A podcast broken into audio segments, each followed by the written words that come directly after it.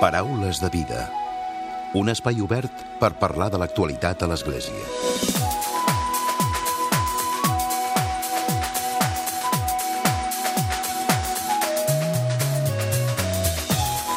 Què tal? Salutacions i molt bon dia, molt bon any. Els responsables del Centre d'Estudis Cristianisme i Justícia ens tenen acostumats a tancar l'any en curs fent una reflexió. És un moment, és un bon moment per tancar l'any, per fer una mirada crítica a tot el que hem deixat enrere i, per què no, estar també molt pendents del que ens pot venir en el recent estrenat 2019. Amb el suggerent títol de Núvols foscos, però el sol no desapareix, des de Cristianisme i Justícia ens alerten alerten de la preocupant regressió democràtica que es produeix a nivell mundial. A més, denuncien el que consideren una aliança entre la dreta eclesial i la dreta econòmica per fer caure el papa Francesc. Una situació preocupant per cristianisme i justícia i és que al llarg dels últims mesos, diuen, el ressorgiment de l'autoritarisme ha quedat ben palès. Sigui com sigui, volem tenir una mirada d'esperança i també és que dins del món de l'Església diuen i ha veus que volen deixar clar que els valors de l'Evangeli són totalment incompatibles amb els moviments d'extrema dreta que, malauradament, estan al centre de l'atenció mediàtica. Avui, al primer Paraules de Vida del, del 2019, reflexionarem sobre aquesta qüestió i ho farem amb en Jaume Flaquer, que és el subdirector del Centre d'Estudis Cristianisme i Justícia.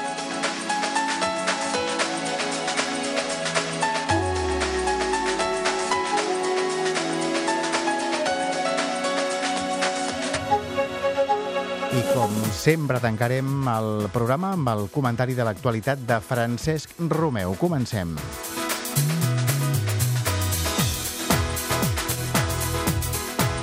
Jaume, bon dia i benvingut. Molt bon dia. I molt bon any. I molt bon any, sí. Ara ho dèiem a la portada, ja ens teniu acostumats a que feu, quan s'acaba l'any, una reflexió, i en aquest cas és una reflexió preocupant pel que hem pogut llegir i el que, puguem, el que podem veure. Sí, certament.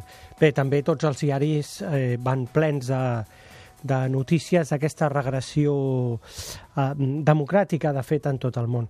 Nosaltres hem escrit aquest paper a partir d'una metodologia eh, amb la qual treballem a Cristian i Justícia, que és constantment, de fet, setmanalment, feu una relectura de la, de la realitat, una ensumada de la realitat. Cada, cada setmana un, el, el, el grupet, el coollo, de fet, el nucli Cristian i Justícia, ens reunim i deixem uns moments, diguem-ne, per mirar la setmana, que és el que ha succeït. Bé, els periodistes feu també exactament el mateix, no?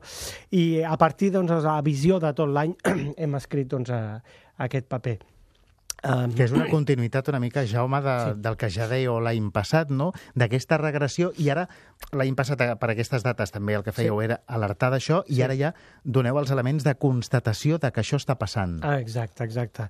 Bé, um, a més a més, uh, just quan acabem de celebrar uh, l'aniversari de la Declaració dels Drets Humans, uh, doncs ara en aquest mes passat, el mes de, de desembre, eh, doncs constatem que aquell optimisme que teníem no solament diguem-ne quan es van declarar, sinó també després, eh, especialment doncs, en els, a l'Església, almenys als anys, als anys 60, doncs, amb el Vaticà II, eh, i després amb la caiguda del mur de Berlín, eh, va haver-hi doncs, com una mena d'expansió de, de, de l'optimisme, com si, eh, bueno, pensant que mm, finalment aquests valors eh, humans eh, de les llibertats i també valors econòmics eh, s'anirien extenent, extenent per tots els països, ja que havia caigut, diguem el mur de Berlín, amb, especialment doncs, en països en els quals eh, els valors eh, de la llibertat doncs, no, no, eh, no, no hi estaven presents, eh, llavors mm, va haver-hi com un optimisme segurament, bueno, constatem realment excessiu, pensant, bueno, doncs ara ja eh, la democràcia anirà expandint-se per, per tots els països. De fet, i ho constatem diguem aquí amb el, en el paper, doncs es va parlar molt de si el capitalisme era eh, la fi de la història, si ha caigut el mur de Berlín, doncs ja quedant solament doncs, eh, el, el primer món i no el segon, doncs ja el capitalisme eh, s'establiria com el sistema econòmic definitiu. No? Va haver-hi moltes crítiques, especialment des de la des de l'esquerra, esquerra econòmica, però també l'esquerra eclesial, a partir d'aquesta visió. Uh, però el que no ens esperàvem diguem, era que no solament afectés eh, diguem, aquest optimisme no fos correcte respecte a un model econòmic definitiu, sinó tampoc, diguem i especialment amb el tema dels drets humans. Eh, això ho hem, ho hem anat eh, veient en regressions eh, fi, amb els països àrabs, els quals doncs, jo, jo sóc especialista en tot allò, mm, sinó també en aquests últims anys eh, doncs amb els Estats Units, el Trump, eh, a Brasil... Eh, i de fet, ara moviments... ho hem vist, no? Aquests, eh, aquests últims dies ja ho hem vist amb, amb ja la, amb Bolsonaro, no? Sí. Eh, ja com a president del Brasil sí. i, i, i tot el que això representa, no? Exacte, sí, sí. I, de, i ho veiem clarament doncs, a Europa amb, amb moviments d'extrema dreta que ja van deixant de ser simplement eh, minories residuals de la població i comencen realment doncs, a disputar el govern. I a més a més parleu d'aquests no, discursos de l'extrema dreta que ho fan sense cap complexa, no? Ara ja, diguem-ne, sense, sense cap complex, exact, exactament. Uh -huh. sí, sí. És a dir, que la situació és molt preocupant. Sí, perquè... Um, bé, podríem dir, diguem-ne, que, que fa uns, uns quants anys um, aquesta extrema dreta intentava bueno, modelar un pèl al discurs perquè eh, encara probablement doncs, estava massa present un, un, un sentiment de culpabilitat per eh, aquella extrema dreta de la, de la Segona Guerra Mundial, de fet, que, eh, que va travessar gran part, gran part de l'Europa. També una culpabilitat, eh, el que és a nivell espanyol, eh, per, eh, per aquesta extrema dreta diguem, eh, espanyola, que ens va portar cap al franquisme. No? Hi ha hagut un sentiment de culpabilitat que, diguem que ha moderat una mica el llenguatge. Uh, Espanya probablement és dels últims països que s'està sumant també en aquest corrent que està travessant Europa. D'aquesta Però... visibilitat, no? Més... Sí, però no solament a Europa, si mirem també cap a, cap a l'Orient, veient doncs, Turquia, a casa de Turquia, de, de, des d'aquests últims anys, especialment eh, reforçat després de l'intent de cop d'estat. Eh, hi ha un projecte molt clar del president de, de Turquia, Erdogan, d'una sultanització del poder, eh? d'un cert eh, retorn, aquella glòria passada de, de l'imperi otomà, abans a la seva caiguda en la Primera Guerra Mundial, no? Uh -huh. eh, on el sultan realment tenia tot el poder. Ho veiem també doncs, a Rússia, amb, eh, amb Putin, en el qual ja, no hi ha una sultanització del poder, sinó que hi ha una eh, zarització del poder. No? El, el Putin és com un nou, un nou sar de nou. No? Uh, si anem més cap a, cap a l'extrem orient, veiem que la Xina, eh, de fet, continua anomenant-se Partit Comunista, però de comunista, almenys econòmicament, ja no té res. L'únic que queda... És el nom. Doncs és, és el nom i, uh, i un, autorita, un autoritarisme eh, també cada vegada més fort, perquè el, el president actual eh, ha tornat, diguem-ne, a demanar, va tornar a demanar doncs, recentment eh, al Parlament doncs, tenir plens poders. No? A la reflexió de cap d'any també parleu dels polítics, apunteu directament cap als polítics i com des de les xarxes socials, des dels seus comptes de Twitter, sobretot, sí. eh, insulten i, i no hi ha, diguéssim, que, que respecte cap a res. Exacte, sí, sí. Eh, això ho hem començat a veure eh, quan va ser escollit Trump, que ens, va, en, ens ha sobtat a tots com eh, Trump fa política des de seu compte personal de Twitter, quelcom, la veritat, gai, mai vist, no? i menys en un país doncs, amb, una, amb una importància mundial. De fet, no solament el seu país, sinó que repercuteix en tot el món. No? Eh, gairebé podríem dir que el president dels Estats Units, com ens afecta a tots, eh, gairebé hauria de ser escollit una mica per tots, perquè ens afecta a tots. No?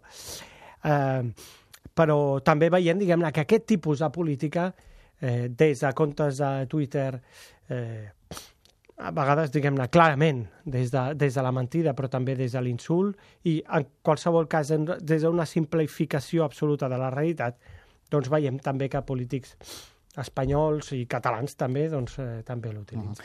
Mm. I ho, ho dèiem a la portada, d'aquesta connivència que dieu ja entre la dreta eclesial, la dreta de l'Església, amb la dreta, en aquest cas, econòmica també, sí. d'aquest complot contra el papa Francesc. No sí. agrada el papa Francesc? Bé, en, en, en certs estaments, eh, no, certament, no? Eh, a veure, nosaltres no som partidaris de les teories conspiratòries, vale? o sigui, amb, aquest, mm, amb aquesta reflexió no volem entrar doncs, en, una, en una visió doncs, de, d'una certa paranoia conspiratòria. No, no, no es tracta d'això. Es tracta de fer una reflexió per eh, veure per què doncs, les crítiques al francès han vingut des de certs grups i també des de certs països. No? Eh, de fet, no solament el papa francès, també l'Església Catòlica en certs grups, diguem-ne, dels Estats Units ha tingut des de, des de fa bastant de temps doncs, una, una oposició. Però, eh, però papa Francesc ha posat el dit a la llaga eh, en diversos temes eh, que, són, que van directament contra la política de Trump. Vale? Qüestió com són el tema de la migració, eh, i, i el tema eh, ecològic, eh, i també el tema Va de ser un dels aspectes més... Eh, els quals el papa francès ja a l'inici del seu pontificat va parlar, no? sobretot el tema ecològic, que era una, una de les vessants importants Exacte, a, a tenir sí. en compte des de l'Església. Sí, sí, sí. D'una manera extremadament eh, preciosa, perquè és, eh, és, un, és un, un papa, diguem-ne, que ha aconseguit unificar, podríem dir, la, eh, l'ecologisme que ens provendria d'alguna manera de l'admiració de la bellesa de la natura des d'un esperit franciscà, eh, la cura de la natura des d'un esperit franciscà, eh, unificat des de, des de la, la denúncia eh, profètica, des d'un esperit més ignasià o jesuític. No? Precisament perquè eh, les qüestions ecològiques no solament tenen a veure amb la degradació de la natura i amb la pèrdua de, eh, de certes espècies mm, animals i, de plantes, de, de fet, de, de la natura. Això podia portar cap a una visió romàntica, però no es tracta eh, simplement d'una d'atemptar contra una visió romàntica, sinó que té conseqüències directes eh, sobre temes de justícia i especialment dels més desfavorits, perquè si ens carreguem els planeta, els primers que seran afectats, lògicament, són, uh, són els que viuen en zones més pobres, perquè són els més afectats pels terratrèmols, perquè són els que tenen edificis més pobres, per les inundacions, etc. Les infraestructures. I per és, la manca d'aigua en Sergio. És, per tant, el papa Francesc valent a l'hora de posar el dit en sectors i, eh, econòmics i en poders importants del món?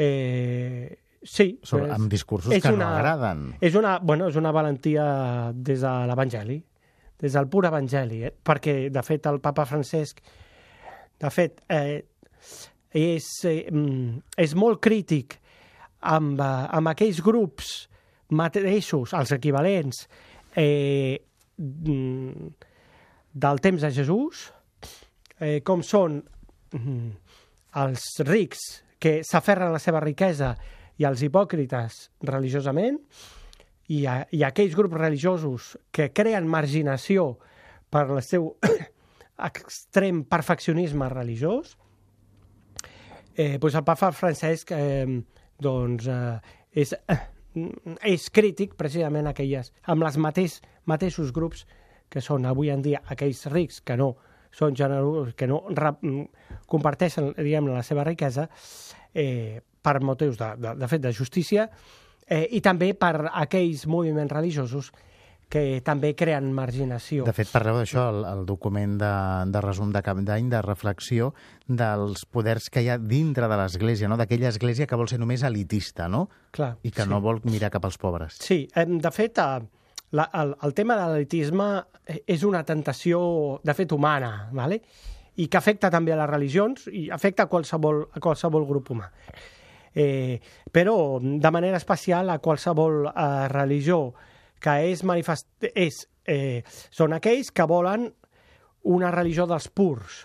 Mm? Això també es pot trobar tant eh, en grups d'esquerra eh, o d'extrema esquerra com també d'extrema dreta, eh, amb això. Eh, eh, que serien aquells que volen que la comunitat tots siguin absolutament purs. No? I llavors marginen, deixen fora la comunitat mm, aquells doncs, que de manera amb plena humilitat reconeixen que eh, davant de Déu eh, doncs que no arriben el que són les, el llindar doncs, proposat doncs, pel, pels ideals religiosos. No? Eh, de fet, Jesús proposa uns ideals eh, altíssims. Eh, hi ha gent que amb humilitat reconeix eh, la, seva, la seva incapacitat, però és capaç de reconèixer. I, en canvi, hi ha altres grups que eh, eh, pensen que ells són perfectes i voldrien deixar fora uh -huh. doncs aquells que reconeixen amb humilitat Jaume, la seva dificultat. Però vosaltres en aquest document també dieu que hi ha la mirada cap a l'esperança, no? de sí, que claro. hi ha dintre de l'Església hi ha molts moviments eh, eclesials, parroquials, que ja diuen i que ja alerten de que molts aspectes, com ara els que comentem, sí. No van amb l'Evangeli, no? I que són precisament el contrari de l'Evangeli, o del que diu l'Evangeli. Clar, evidentment, a veure, si no haguéssim posat doncs, un, un apartat sobre l'esperança, de fet no seria un paper cristià, perquè eh, la denúncia és una part de l'Evangeli, però l'esperança també està inclosa de manera essencial en, eh, a l'Evangeli també i a, la, i a la predicació. Per tant, era essencial doncs, incloure aquesta visió també de, de llums que intenten ser apagades per, aquesta, per aquests núvols foscos, però que hem de reconèixer que sempre hi són. I fem una, un llistat eh, de, de certs elements que poden ser anecdòtics però que tenen, tenen molta força, no? com grups eclesials i persones concretes i també grups que estan eh, portant a terme doncs, una acollida de refugiats i d'immigrants de manera molt lloable. Comunitats religioses, eh, de, de, de religiosos, religioses, monges, monjos i tal, que estan obrint els seus monestirs o les seves comunitats, les seves cases, a refugiats. Famílies... Atendre els més desafavorits. Sí, famílies cristianes, hi ha tota una xarxa d'hospitalitat que s'ha anat creant. Eh, nosaltres hi hem imposat molt als jesuïtes, doncs una xarxa d'hospitalitat per, perquè aquelles famílies que vulguin tenir la porta oberta puguin acollir durant un temps aquells refugiats que arriben a casa nostra i que els serveis socials, sigui, l'Ajuntament, la Generalitat, eh, no, no els poden acollir ah, perquè estan absolutament desbordats. Pues en aquest temps, mmm, molts d'ells han de viure encara en el carrer. Pues hi ha tota una xarxa d'això. Aquest cas eh, preciós eh, d'Holanda, això és una església protestant, doncs que eh, va fer una, una litúrgia, una missa, durant 700 hores eh, perquè doncs, una família refugiada no la poguessin deportar perquè doncs, Clar, són la policia no pot entrar exacte. per... Uh -huh. Són iniciatives que, que miren cap a l'esperança, no? Sí. En tot, el, en tot aquest món, no? Que... Jaume. Sí, sí, certament. I com també, eh, sí, sí, com també doncs, eh, senyalem aquí tot el, en fi, el, el tema aquest tan absolutament trist i a la vegada indignant dels casos de pederàstia, a l'Església, uh -huh. també doncs, és de gran esperança aquesta iniciativa del papa Francesc, eh, nosaltres ho dèiem en un article publicat al setembre, que era necessari doncs, que l'Església convoqués com una mena de sínode per tractar molt seriosament per aquesta qüestió. Això. Bé, pues, eh, bueno, no crec que ens hagi llegit. El Sant Pare, de totes maneres, una mica... Eh, quan ella estava a Argentina en seguia, eh? eh doncs, eh, doncs mira, ha convocat aquesta, aquesta gran trobada... És que s'ha posat mans a l'obra per acabar amb això. Uh, exacte, no? Mm. I moltes comunitats religioses doncs, també eh, també han elaborat en aquests últims anys protocols extremadament seriosos uh -huh. eh, i molt, molt durs de tolerància zero eh, sobre aquestes coses. Per tant, són motius d'esperança molt grans. Jaume Flaquer, subdirector del Centre d'Estudis Cristianisme i Justícia. Gràcies avui per haver-nos acompanyat en aquest primer Paraules de Vida del 2019. Molt bé, encantadíssim i molt bon any. Paraules de vida. Segueix-nos a Facebook i Twitter. Arroba Paraules de vida. I tot seguit arriba el primer comentari del 2019 de Francesc Romeu. Francesc, molt bon dia i molt bon any. Molt bon dia, molt bon any.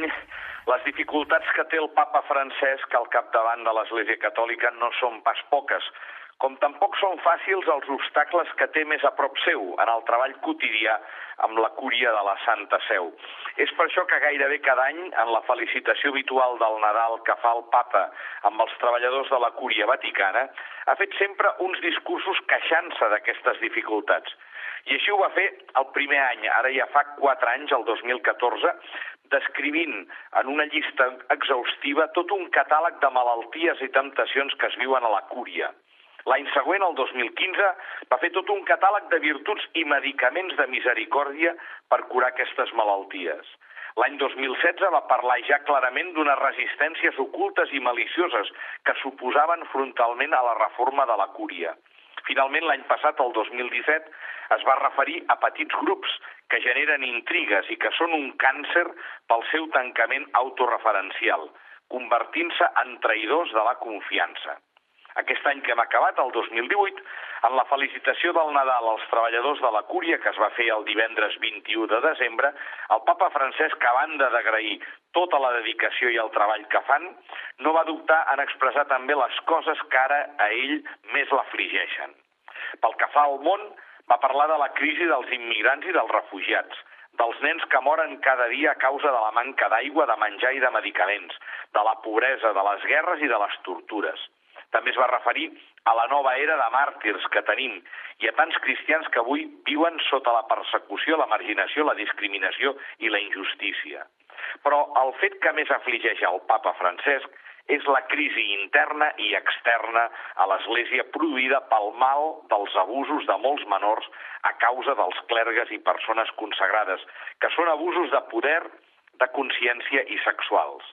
Amb això, s'ha anat més enllà del pecat i s'ha passat ja a la corrupció. Amb molta rotunditat, el papa Francesc afirma que l'Església mai més intentarà encobrir i subestimar cap cas, reconeixent que fins ara alguns responsables havien tractat molts casos sense la deguda serietat i rapidesa. Això no pot tornar a succeir. Aquesta és l'elecció i la decisió de tota l'Església, tot informant que a partir d'ara es treballarà per protegir els infants. Una segona aflicció que el papa francès va apuntar i que és a causa d'aquesta anterior dels abusos sexuals, és la de la infidelitat d'aquells que traicionen la seva vocació, el seu jurament, la seva missió i la seva consagració a Déu i a l'Església, la d'aquells que s'amaguen darrere de les bones intencions per apunyalar els seus germans i sembrar la discòrdia, la divisió i el desconcert. Per acabar el seu discurs, el papa francès també va voler apuntar algunes coses positives, com alegries que venen a contrarrestar aquestes afliccions. Ell va assenyalar l'experiència positiva del sínode de bisbes dedicat als joves i tot el que s'està avançant ja en la renovació de la cúria. D'aquest darrer aspecte, jo voldria destacar que sembla que hi ha dificultats en tot el que fa referència a la comunicació de la Santa Seu atès que aquesta setmana hem sabut de la renúncia del director i la sotsdirectora de l'oficina de premsa del Vaticà, Greg Burke i Paloma García Ovejero, respectivament. Malgrat que s'acomiaden amb un molt bon to, tot fa pensar que només han treballat dos anys, des del 2016, i que això és molt poc temps per poder haver aconseguit uns canvis notables. En el seu lloc, el papa Francesc ha nomenat d'urgència com a director interí de l'oficina de premsa de la Santa Seu el doctor Alessandro Gisotti, que fins ara era el coordinador de les xarxes socials del Dicasteri per la Comunicació. Tinguem en compte que fa 15 dies el papa francès també va rellevar el director del diari oficial, l'Osservatore Romano, que fins ara era Giovanni Maria Vian, després de 11 anys. Pel periodista Andrea Monda, com a nou director, i pel periodista i gran vaticanòleg italià Andrea Tornielli com a nou director editorial del Dicasteri per la Comunicació. Amb tot, el qui sembla que és el qui aconsella més al papa en qüestions de comunicació, però més a l'ombra d'aquests càrrecs, és el director de la revista dels jesuïtes, la Civiltà Catòlica, el jesuïta italià Antonio Spadaro, que també és consultor del Consell Pontifici per la Cultura. Molt bon diumenge a tothom i molt bona diada de Reis.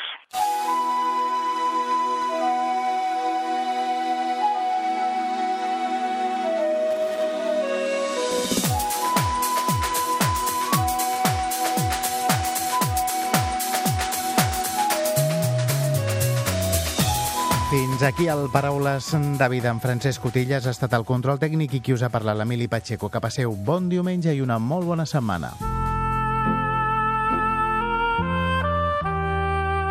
Us oferim la carta dominical de l'arcabisbe de Barcelona, Joan Josep Omella.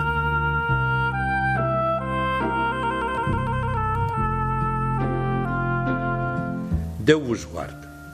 Avui celebrem la festa de l'adoració a Jesús dels tres reis mags d'Orient, que és el sentit cristià que pren l'epifania del Senyor.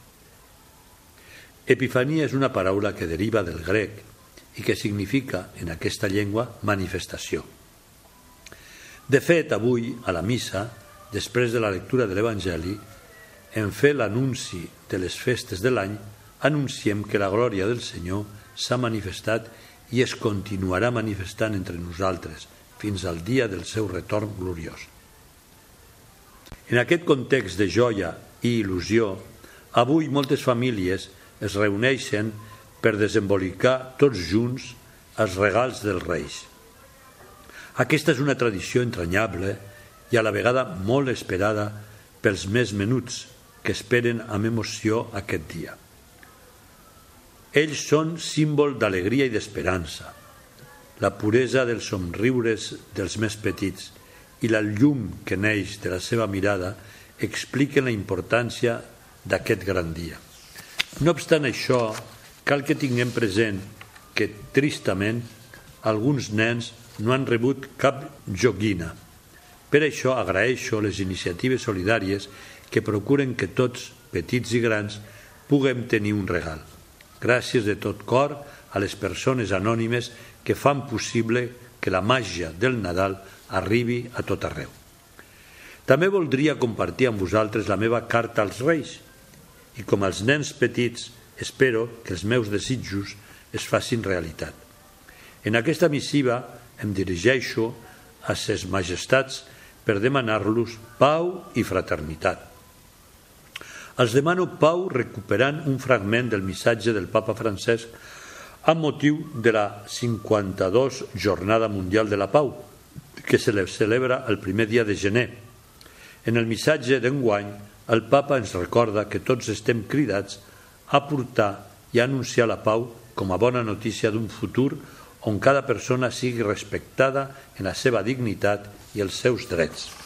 El missatge apostòlic afegeix que no hi ha pau sense confiança recíproca i la confiança té com a primera condició el respecte de la paraula. D'aquesta manera, diu el papa que el compromís polític, que és una de les més elevades expressions de la caritat, té en compte la preocupació pel futur de la vida i del planeta dels més joves i dels més petits. Desitjo també que visquem amb fraternitat aquest nou any. És cert que l'actual clima de crispació social no ens ho facilita, però amb l'ajuda de Déu podem superar aquests moments de tensió. Viure en fraternitat és cosa de tots. Us demano, doncs, que siguem més prudents amb els missatges que fem arribar a la gent. Evitem les expressions incendiàries i fomentem un llenguatge que afavoreixi el diàleg. Tots nosaltres podem i hem de ser promotors de comprensió, de diàleg i de cooperació en la tasca d'humanització de la societat. Benvolguts germans i germanes, confio que aquests desitjos de pau i de fraternitat es facin realitat amb l'ajuda del Senyor durant aquest any que acabem d'iniciar. Us hem ofert la carta dominical de l'arcabisbe de Barcelona, Joan Josep Omella.